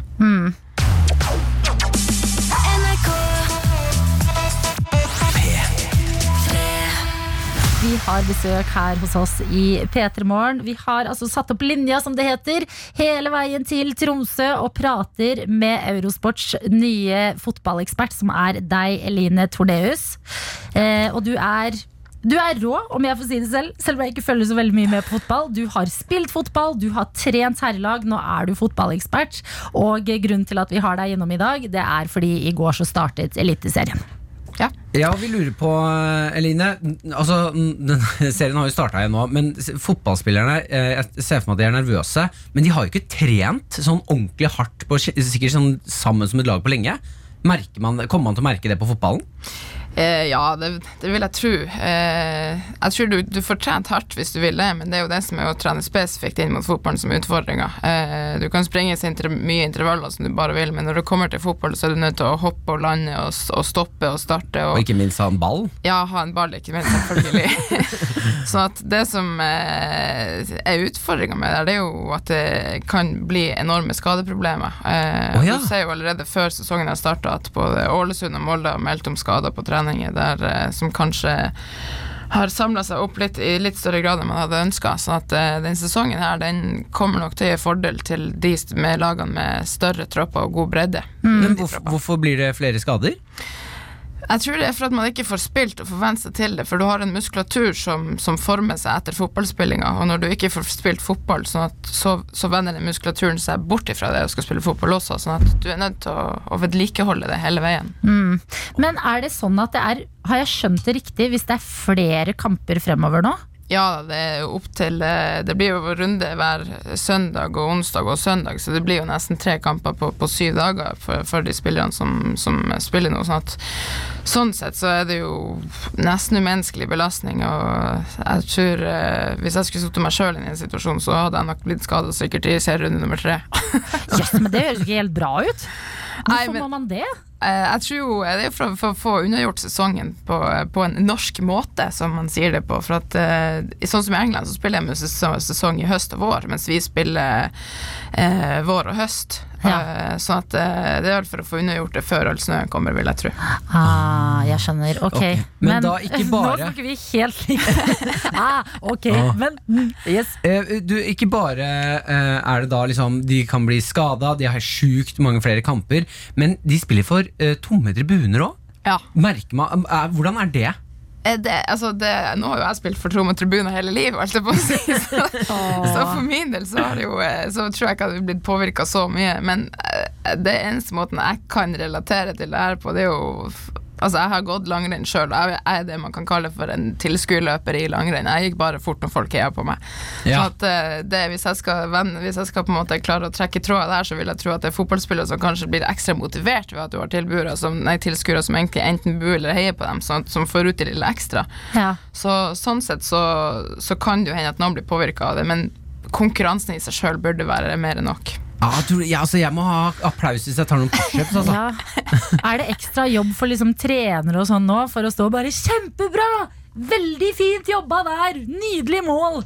Ja, altså, du, de, På de nivåene som jeg har vært trener på, så er det jo ikke, vi er jo ikke plaga med for mange tilskuere, akkurat. sånn at uh, jeg har i hvert fall uh, tatt den linja der jeg kanskje er litt for overivrig på sidelinja. Så at jeg tror jo kanskje at hvis du har trenere nå som er vant til at du har spillere som løper mer enn vanlig for at du har folk som heier på den, så er den nok nødt til å ta litt ekstra ansvar. Så jeg håper jo litt at du har har han Hornland som står i Rosenborg og roper og motiverer de spillerne litt ekstra på, på sidelinja. Det det, du får jo med deg alt som blir sagt, for det er jo mikrofoner rundt hele banen. Ja, for det jo- er kjempegøy! Ja. Du kan plutselig høre at fotballspillerne snakker dritt til hverandre. Ja, det er jo litt skummelt også, sånn sett. Sånn at, eh, men jeg tror vi kan få, få en del artige øyeblikk, i hvert fall. Å, jeg glemmer. meg. men du, apropos trener, du har jo trent et herrelag. Eh, hva, er det sånn i da, garderoben, sier at dere ligger under, at du stormer inn der og holder en appell for å booste laget ditt? Eller skjer det bare i film? Det har skjedd, ja. Det, at jeg har måttet gå inn og Nei, jeg skal bruke ord for revet dem et nyttighet, for å si det sånn på godt nordnorsk. Men eh, det, det, det hender jo at man må det, at prøve å motivere litt ekstra. For eh, av og til så, så trenger man et lite spark bak, og det inkludert meg sjøl. Så, eh, så sånn sett så kan en liten ekstra appell hjelpe godt med av og til. Men for meg som aldri har vært i liksom gutte- eller herregarderoben, eh, Line, altså kan du bare kan du ta oss litt inn og fortelle oss hvordan er det eh, generelt, men også som kvinne å gå inn i guttegarderoben? Er det bare sånn eh, helikoptertiss og eh, liksom, er det det du tror skjer? Hva, jeg føler det er helt mayhem guttastemning i eh, garderobene. Eh, ja, altså det guttestemning, det eksisterer jo definitivt. Men eh, jeg, heldigvis har aldri jeg vært borti noe helikopter i, i, i garderoben. men eh, det, som, altså, det er jo guttestemning der inne, og det er jo veldig mye direktehet og ærlighet som går på bekostning av hverandre med humoristiske innslag eh, til tider. Men det er jo humor som jeg setter veldig pris på. Jeg har vokst opp med tre eldre brødre sånn at, eh, og en pappa som er veldig fotballinteressert, så jeg har blitt godt forma i løpet av Ja. eh, oppveksten. Å, ok, eh, Så du overlever en tur innom guttegarderoben. Det er godt å høre. Altså er de vel heldigvis veldig flinke å dekke til seg før jeg kommer inn, så det, det er Ja. veldig over, lett overkommelig. Men du, før, før vi må runde av Det her, det som på en måte Jeg har blitt mer eh, åpen for fotball etter å ha sett uh, Heimebane. Fordi der skjønte jeg liksom hva det der eh, hva fotball, Det er lett å irritere seg når du har folk rundt deg som skal se på fotball hele tiden, men så skjønner du at sånn, shit, det handler jo om samhold, og at folk sitter og heier på det samme og liksom er en del av et fellesskap. Mm. Tror du det er på en måte at nå at fotballen starter igjen, tror du at folk er én gira litt på at ja, det er gøy å se på fotball igjen, men sånn, tror du det har noe å si for den der samholdsfølelsen i folk rundt omkring i, i landet, da? Ja, definitivt. Eh, når Norge stengte ned, si, så, så blir du jo revet bort fra lagkameratene dine, du blir revet bort fra, fra trenerne dine og all den på en måte, det sosiale hverdagen du har som fotballspiller. Sånn at, eh, og som tilskuer og, og fan generelt sett, så det er jo et samlingspunkt, ikke bare fotball, men idretten generelt. Så det, den effekten og den muligheten vi har gjennom idretten, er jo å samles og enes rundt et felles produkt. Ikke minst føle på den tilhørigheten der du har tilhørighet til et lager, til noen spillere, til en trener til en by, som gir deg et enormt engasjement og entusiasme som man ikke skal ta for gitt. I hvert fall ikke etter den perioden her. Jeg har savnet veldig det å samles for å se på fotballkamp og bare kjenne på, på den følelsen, da. Vet du hva, Man hører på deg, Lina, du elsker fotball. Og det setter jeg så pris på. Og det er så godt utgangspunkt nå som du skal eh, inn som eh, fotballekspert for Eurosport. Masse lykke til i den nye jobben! Ja, tusen takk.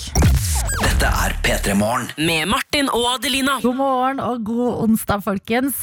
Hvordan ble det onsdag så fort? Altså, jeg skal slutte å tenke høyt. Eller vet du hva, Det er nesten det jeg gjør i fire timer hver dag. Eh, uansett, veldig koselig at dere har skrudd på radioen, er med oss og til og med sender oss snaps. Ja, vi har fått inn en snap her. Vi spurte jo deg der ute hva kaller du kjæresten din. Har du noe kallenavn, og får du noe kallenavn av kjæresten din?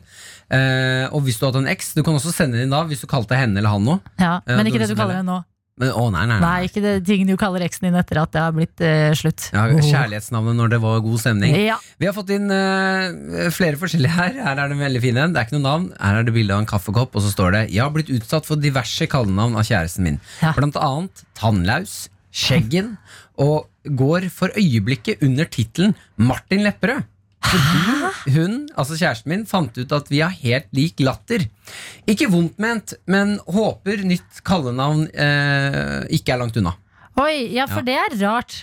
Tenk å bli liksom kalt eh, ja, Martin Lepperød i forholdet ditt, mens dere prøver å kose dere. Du kliner med kjæresten din, så bare å, Martin Lepperød. Nei, du er Du kan ikke like tanken på det, Martin. Jeg liker veldig godt tanken på at uh, det er en jente som ligger med kjæresten sin, og så blater han som om han er Martin Lepperød.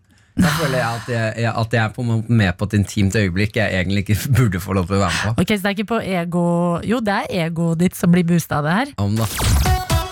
P3. NRK. P3.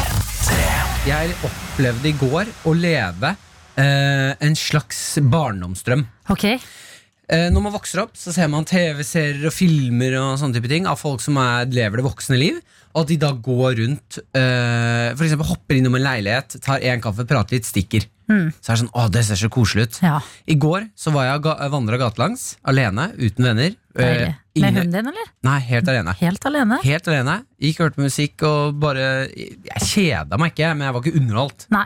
Uh, og så møter jeg tilfeldigvis noen venner som sitter et sted i Oslo. Setter meg ned, tar en pils, går videre. For jeg tenker jeg skal videre, de skal videre. Trasker. Møter lenger nede i gata noen, en annen venninne. Setter meg ned der, Ja, tar en pils. Reiser meg opp, går videre. ja. Og la meg gjette. Møter noen. Nei! Nok en gang. Så nå har jeg blitt en slags sånn eh, byvandrer Ja. som bare går fra sted til sted og, og ruser meg. Ja, det er jo det du gjør. Drikker alkohol. Det er å ruse seg, det. Ja, og så Men du ruser deg litt på endorfiner òg, fordi du ser jo venner. Jeg ser venner, og jeg følte helt Det var et helt sånn magisk øyeblikk for meg Ja. å oppleve en, eh, en form for frihet der jeg bare jeg, jeg vet at hvis jeg går fra sted til sted, så møter jeg en eller annen hyggelig person jeg kan sette meg ned med. Men det der har jeg tenkt litt på selv, fordi man eh, gleder seg alltid. Har jeg inntrykk av De fleste går alltid rundt og gleder seg til sommeren, selv om man setter pris på vinteren og de andre årstidene. Og det er litt fordi, ja, vinteren er fin nok den når man kan gå på ski og de tingene, men du kan ikke bare vandre ute i flere timer og møte andre folk som sitter ute, kanskje liksom er, er på en sånn bystrand og bader litt, skal ta noen øl etterpå, spise pizza der etterpå. At det er den der friheten. Ja, Og bare, jeg bare trasker. Ja, fordi jeg hadde, sånn, jeg hadde en skikkelig sånn frihetsdag selv i går. Hvor jeg bare, ok, møter noen venner eh, til lunsj. Mm. Tenker jeg gleder meg til å spise pizza. Og jeg skal åpenbart drikke brus fordi det er tirsdag og klokka er to. Eh, men så bare merker jeg at det er stemning fordi det er sommeren. Ikke sant? Folk føler seg litt ekstra fri for en øl. Og så tenker jeg, vet du hva? Ja, dette var ikke planen, men klokka to på en tirsdag, jeg drikker øl. Stikker, sykler ned til stranda, bader, drar på en ny restaurant. Så jeg spiste på restaurant Er det dobbel middag? to ganger i går!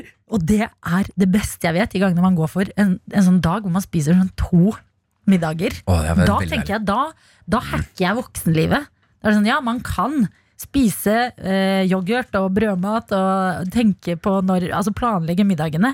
Men er du klar over hvor digg det er med to digge varme måltider på én dag? Eller? Pizza og indisk på en dag? Pizza og indisk.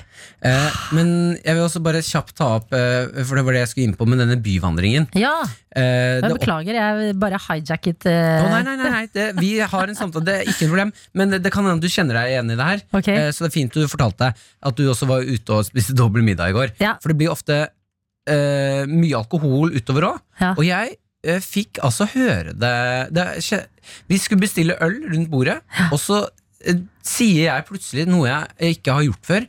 Jeg spør om jeg kan få et snitt. Ja. Har du bestilt snitt før?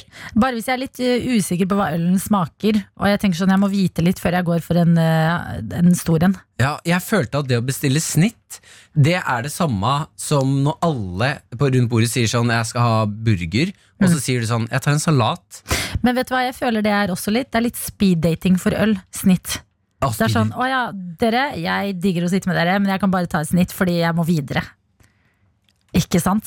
Å, vet du, det er veldig godt poeng. Mm. Ja, Så det, jeg syns det passer som hånd i hanske med den byvandringen din, ja. Men det er derfor alle bestiller snitt rundt meg. ja. Ja, de vil bare dra fra deg, egentlig. Ah, Det er rart med det. snittet. Snitt. Sånn er livet. Men nå Den er det sommeren. Og det syns jeg folk eh, henter heller innspo på den fronten. Og bare, hvis du har en sånn plan, bare blås i den planen en dag. Tar jeg et Det- snitt. Ja, tar jeg et snitt, tar jeg et bad, møt noen venner, spis to middager. Altså Hvis ikke nå, ja, da blir det plutselig høst og vinter igjen, og da kan vi Da sitte der og glede oss til hele tiden inne. Da er det middag hver hele tida. P3morgen. P3 Morgen. Med Martin og Adelina. God morgen og gratulerer, du klarte det i dag også. Du sto opp, og ikke nok med det. Nå skal du også få litt påfyll fra denne fronten. Vi skal en tur til Ukraina. Å ja. Yes, må innrømme, Jeg kan ikke så altfor mye om Ukraina. Og jeg syns det er spennende når det dukker opp eh, saker derfra. Det har det gjort nå inne på nrk.no. Og jeg har latt meg rive med fordi eh, det blir jo gjort beslag på ting eh, støtt og stadig. Altså Man er vant til å lese om eh, alkobeslag ved svenskegrensa, Baconbeslag. bacon, P-Max-beslag. Herregud, jeg er glad det ikke er noen kvote på brus fra utlandet. ass. Å, det hadde blitt stygt. Ja, det, nei, det hadde, da hadde hadde jeg vært en svindler. Eller sånn, ikke svindler, hva heter det? S- s- Hva heter det når man s- Hva heter det? Hva skjedde nå? Du mener når du sniker ting inn i landet? Ja, hva heter det? Um, å, fy fader, jeg vet Det hvilket ord du vil ha. Smugler! Smugler, ja. Oh, shit. Eh, Da hadde jeg vært en eh, hardcore smugler. Det er jeg ikke. Men de tingene er vi liksom litt vant til å se. Sånn eh, kokain, eh, sigg, sprit. Mm. All that. I denne videoen fra Ukraina, som vi kan høre litt på her Hør på dette. Hva tror du dette er? Tror ikke du klarer å gjette, jeg kan bare si det.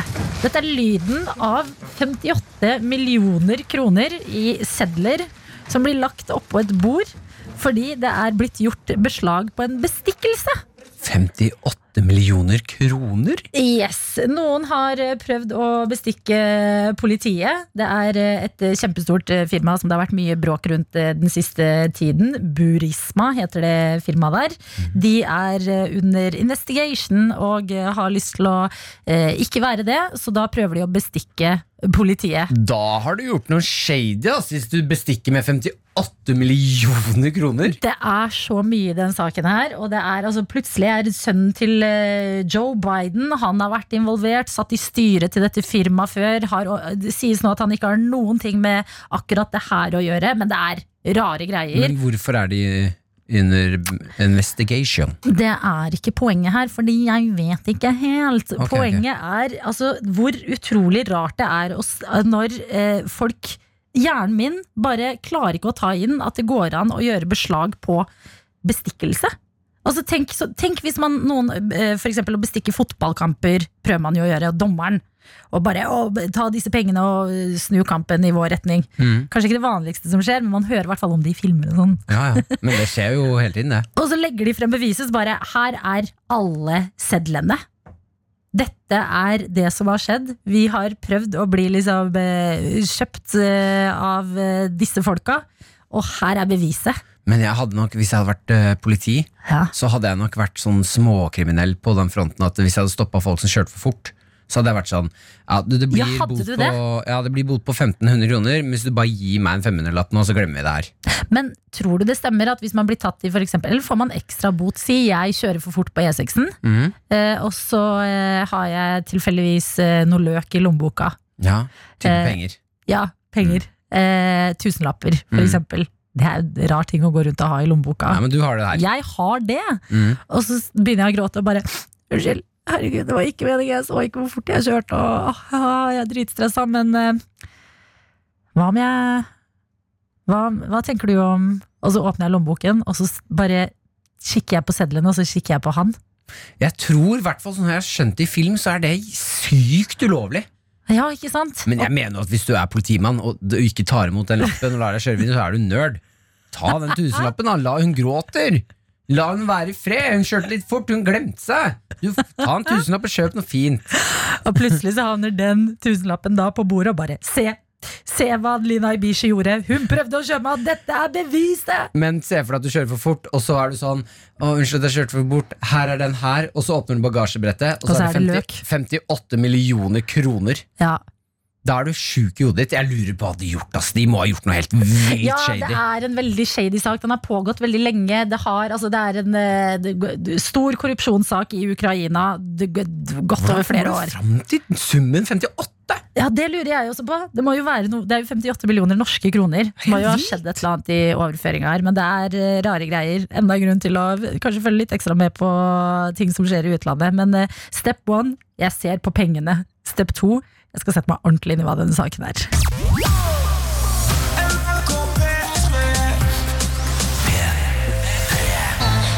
Å, det var Senorita. Shawn Mendes. Camila Cabello.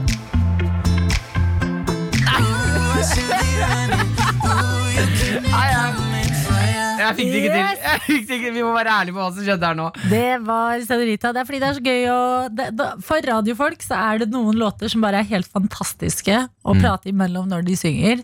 Eh, og den gleden prøver vi å Jeg prøver å dele det med deg innimellom, Martin. Ja, det som er Problemet er at du er så flink til å gjøre det. Og så av og til så spør du sånn Har du lyst til å gjøre det noe, Martin? Så tenker jeg sånn Ok, nå skal jeg imponere Adelina. Og, så går det to sekunder uti, og så Nei, nå jeg får det. Det her går For den her har vi prøvd før. Ja. Men ikke, Eh, ikke men stopp å gi meg eh, Nei, nei, jeg ja, jeg skal aldri. En vakker dag skal den sitte. Ja, du, I går så kunne jeg fortelle at jeg har eh, brukt eh, 1900 kroner på eh, noe jeg eh, ikke trodde jeg kom til å bruke 1900 kroner på i livet. Mm. Og det er et par med raske briller. Ja, det var raske brillene dine! De raske brillene mine de har jeg kjøpt meg fordi jeg tenkte det er greit å ha når jeg skal på norgesferie i sommer. Jeg har jo blitt litt glad i å løpe ute, og jeg tenker det er greit da til vinteren også når jeg skal gå på ski. Og så sa du at eh, når du tok på disse raske brillene, så vet du ikke helt hvem du blir. Nei, jeg følte meg som en far da jeg sto der i butikken, og det sa jeg også til han som hjalp meg med brillene. Jeg bare, oh nei, de ble litt for sånn pappa. Ja, du fikk lyst til å si sånn herre Ikke smell med den døra! Ikke tull med temperaturen i rommet! Ikke sant? Det, det, det ble en litt annen person. Men så endte jeg på et par briller som jeg tenkte sånn, de her er bra, de er ikke for mye. Og når jeg tar de på meg, så føler jeg litt sånn, ingen ser meg. Eh, Fordi jeg, jeg, Det er litt vanskelig for meg å begynne å bruke raske briller. eh, Fordi jeg syns eh, helt ærlig det ser litt dust ut. Jeg har alltid tenkt sånn her Dere er strebrass, dere som går rundt med raske briller. Jo, men helt Ja, oppriktig, jeg, det har jeg tenkt. jeg skjønner hva du tenker her. Men det er lov å skifte mening eh, her i livet. Eh, eller å kjøpe noe man en gang syntes var teit. Og det har jeg gjort nå, fordi jeg skjønner at de har en veldig god funksjon. Eh, og så tenker jeg at når jeg tar de på, så er det ingen som ser meg. Hva mener du med ingen på- som ser deg? Da, de, jeg skjuler meg bak brillene. Ah, ja. Skjønner du? eh, og jeg hadde de på her om dagen da jeg var ute og eh, jogget en liten tur med en eh, kompis. Ja. Og så eh, fikk jeg snap rett etterpå av en venninne. Jogget du forbi meg nå? I raske briller? Jeg bare faen. ja, fordi My mission is failing! Mentaliteten din på det her er sånn som i Supermann. Mm. At han Clark Kent, når han tar av seg brillene, så er det ingen som skjønner at det er han. Ja, ikke sant? Det er som Hannah Montana. da Når hun får på den blonde parykken, så er det ingen som skjønner at det egentlig er Miley.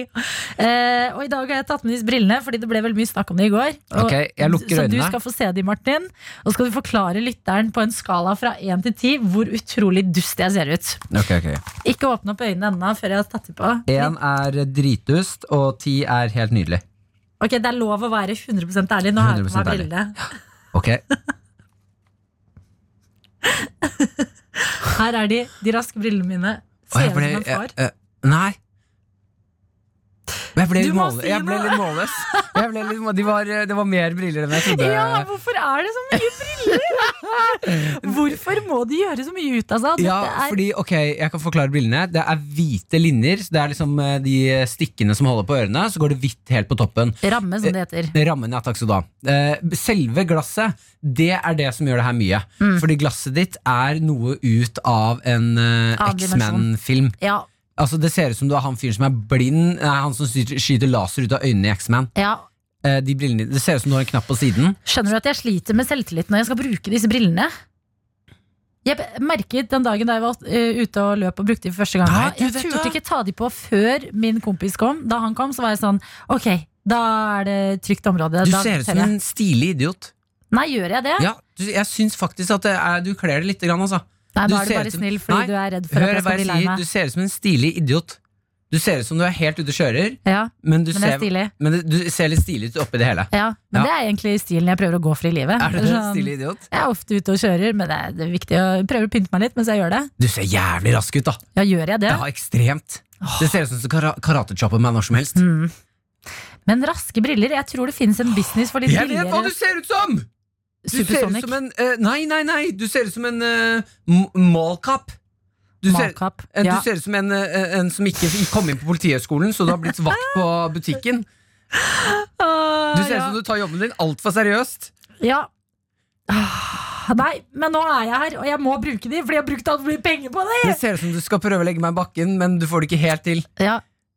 Det er eh, jeg, det, Du fikk taser, du fikk ikke taser Nei. for den skøyter på deg selv. Du Ja. skjøt deg selv i låret med taser, så nå har du bare et, et, sånn et slagverk. Ja, jeg skulle gjerne kommet med noe gøy tilbake, men jeg har null selvtillit. jeg har på meg disse brillene. Så nå kan du bare fyre løs. Jeg kommer til å sitte her og bare ja! Det ser ut som du sitter alene i bilen din og drikker øl etter jobb og venter på å komme tilbake på jobb. Ja, det gjør jeg jo. ok, men de her brillene, nå har Martin prøvd å formidle her, de skal jeg eh, De må jeg bare bruke. Jeg må bare gå rundt og føle meg litt dust, Fordi det er brukt altfor mye penger til å bare la de støvene ligge i støvene. Er det lov å løpe i butikken, eller? Eh, hæ? Er det lov å løpe i butikken? Fordi jeg har så raske shades? Nei, nei, for, siden du passer på butikken. Mm. På kjøpesenteret. Er det lov til å kjø løpe Her på er Emma kjøpesenter? Steinbakken på P3. P3morgen. P3morgen. Med Martin og Adelina. Før en lille lørdag så er det jo tirsdag. Eh, og det var det også i går.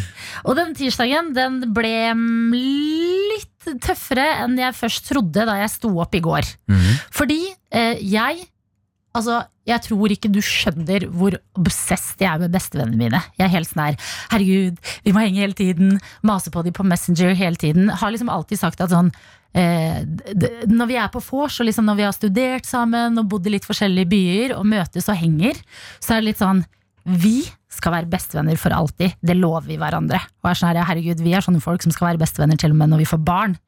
Eh, og så har det funket veldig godt de siste årene, men så bare merket jeg i går at sånn Jøss, nå begynner en av mine liksom største frykter å gå litt i, i oppfyllelse, på en måte. Eller ikke oppfyllelse, men sånn Nå skjer det vi var så redd for at skulle skje, og det er at man sklir fra hverandre fordi man er på så forskjellige steder i livet. Eh, fordi eh, før har man liksom kanskje studert sammen eller bodd ved siden av hverandre. Ting har alltid vært, det har vært enkelt å møtes. Mm. Men når man flytter til forskjellige byer, begynner å jobbe med forskjellige ting, så må man aktivt prioritere hverandre i vennskap. Da er det sånn, da må man sette av tid, man må ringes litt. Og så er det litt vanskeligere, og det har jeg liksom hatt nå med en av mine beste venner over en lengre periode. Og i går så kjente jeg bare sånn Herregud, går jeg rundt og lurer meg selv ved å tenke at vi er bestevenner fortsatt? Eller sånn, Bestevenn er jo litt sånn barnslig ord, nesten, men man har jo det. Man har jo folk man tenker at man er ekstra nære. de næreste vennene, da. Og så begynner man å tenke litt ekstra over det. Så bare, men er, vi, er det bare jeg som tenker at vi er veldig nære venner? Åh, Nå begynner jeg nesten å gråte. Men Ja. det, er, det er så nerd. Men Nei, i går ikke- hadde jeg en skikkelig sånn vond prat med en skikkelig nær venn. Og det var altså så kjipt å bare innse at liksom sånn, nå er vi der. Nå er vi på så eh, forskjellige steder i livet hvor jeg føler at hvis vi skal møtes, så er det bare jeg som må sende melding, sende melding, sende melding hele tiden, eller ringe og ta kontakt. Og bare får aldri noe tilbake igjen. Ja. Og det er så vondt å ta liksom den praten med noen og bare Du, er vi egentlig liksom venner lenger? Og idet det går opp for deg at sånn nå, nå er det kanskje slutten på en fase som har vært helt sånn der At man har hengt helt uh, uten å måtte planlegge og ting og tang, til at det bare uh, Alt blir stress. Det blir det der voksenlivet-stresset. Og ikke at man ikke vil henge med hverandre, for det vil man jo, men at det bare blir Det blir liksom vanskelig, eller man prioriterer hverandre ikke. Og det er altså det største marerittet mitt som bare har skjedd da, med en skikkelig nær venn. Og det er altså, sånn vennekjærlighetssorg. Det er så forferdelig vonde greier. Ja, og så er det jo vanskelig, da. Man hører jo alltid om voksne folk som er sånn eh, Nei, jeg har egentlig en eller to venner som jeg er med. Ja. Uh, og det er det en grunn til, da. Sånn, eh, når man blir eldre, så voksenlivet Ja. tar tak på deg, så fylles livet ditt med jobb, du er sliten, du må trene, du må være der, gjøre ditt og datt, mye øh, forpliktelser. Ja. Eh, Så på et eller annet sted i livet så må man liksom ta et valg og begynne å kutte bort noen ledd, da. Ja. Eh, og bare, vet du hva, det jeg har lyst til å fylle livet mitt med, det er disse kanskje fire-fem personer. Det er dere som blir min kjerne nå. Ja. Og det er det egentlig noe sånn ekstremt vakkert med, da.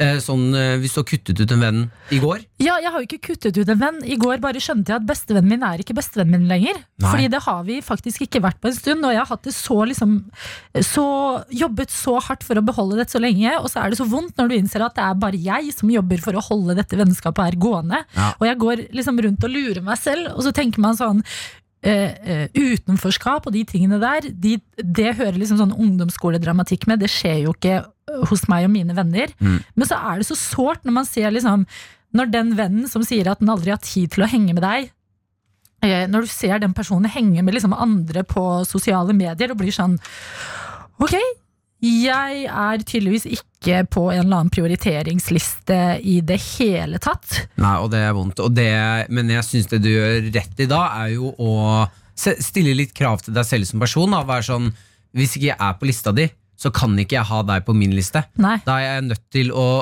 Da er ikke vi på hverandres liste, og så må jeg få lov til å fylle livet mitt med folk som har lyst til å ha meg der, da. Ja, og det føles så nerd ut å sitte og være liksom 27 år gammel og bare gråte for venner, men det har liksom følt litt på Eller sånn Som jeg bare lurer på om andre kjenner på, som er sånn Jeg har jo Jeg har jo ikke, for eksempel, jeg er jo ikke i et forhold som betyr at jeg bruker all min tid, og elsker å bruke all min tid på vennene mine og gjøre gøye ting og planlegge morsomme ting hele tiden. Mm. Og så bare sitter man igjen, og så føler man seg litt som den reserven for vennene dine som er i forhold. Sånn når andre får liksom et annet liv, og ikke er i ditt liv lenger, så bare føler du liksom Du føler deg så dust, da. Eller sånn jeg skjønner hva du mener med Eller er, er tanken at eh, Nei, du, jeg kan ikke være med deg nå, for jeg skal være med kjæresten min? Ja, og når alle får de tingene i vennegjengen, og så bare sitter man der, seg der og så tenker man sånn Herregud, jeg har jo helt glemt Jeg har vært så opptatt med å ha det gøy med vennene mine at jeg ikke Jeg har ikke tenkt på at ø, å inngå et seriøst forhold er noe som jeg prioriterer nå. Jeg vil jo bare være ung og ha det gøy, at vi skal ha det gøy sånn som vi lovte hverandre. Og det er sånn Selvfølgelig kan man ikke det for alltid, fordi man blir voksen og man får ansvar, og folk forlover seg, og noen får til og med barn, liksom. Og da må man endre på ting. Eh, men idet man innser det, fy faen så vondt det er. At sånn, shit, vi har Ja, blitt de folka vi lovte hverandre at vi aldri skulle bli. Ja, jeg tror det er, jeg er veldig veldig mange som har lovet det der og Ja. funnet ut sakte, men sikkert sånn, "Æ, det går ikke. Men så har man tenkt sånn, nei, men vi er ikke som de andre, vi er ikke som de andre. Eh, og så blir man det plutselig, og det er altså ingenting i livet som kunne forberedt meg på den følelsen at sånn, shit, wow, nå ble det oss. Eh, og vi ble den klisjeen som bare sklei fra hverandre. Ja. Men Det er vonde saker. tror du gjør noe et, t- eh, Altså Alt det med vennskap skal, Vi skal ha venner hele livet. Ja. Så det her er ikke, skjer ikke bare nå. Det kommer til å skje andre ganger òg. Ja, jo det. Men det kommer også til å skje at du får nye bestevenner. Ja. Og ja, er, så Vennskap er ofte en fase, da. Ja, men det er jo det. Det er bare så sårt når det liksom glipper. Og derfor så bare slår jeg et slag for vennskap i dag. Ass. Send en eller annen venn du ikke har snakket med på lenge, en melding og spør hvordan det går. Eller send en morsom meme litt når du ser noe morsomt sånn. Bare jobb for å beholde vennskap, fordi plutselig så sklir man fra hverandre, og det er utrolig kjip følelse, ass. Mm. Så det var det fra grinehjørnet i dag. ja, det var et fantastisk grinehjørne i dag.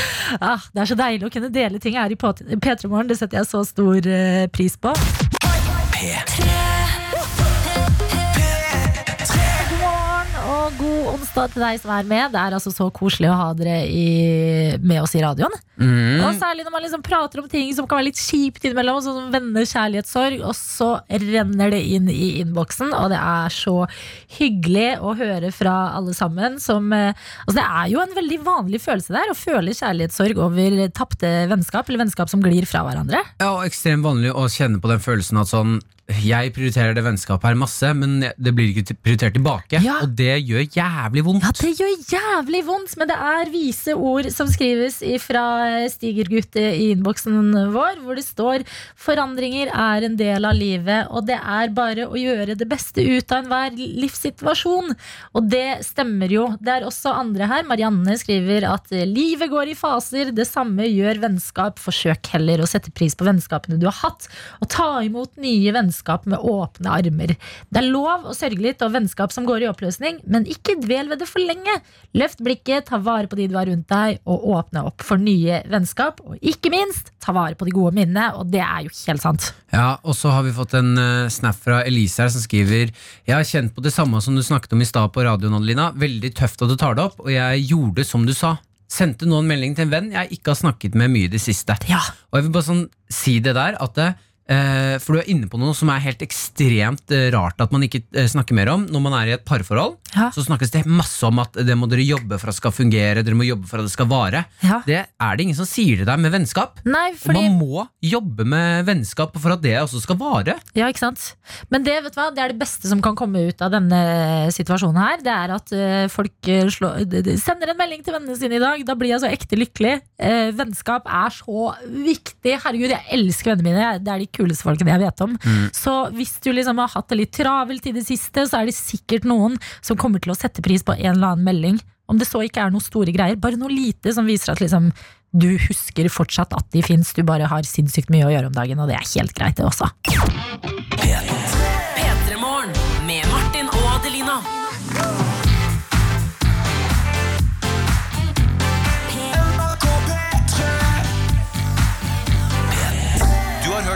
podcast fra NRK P3. Hør flere podcaster i appen NRK Radio.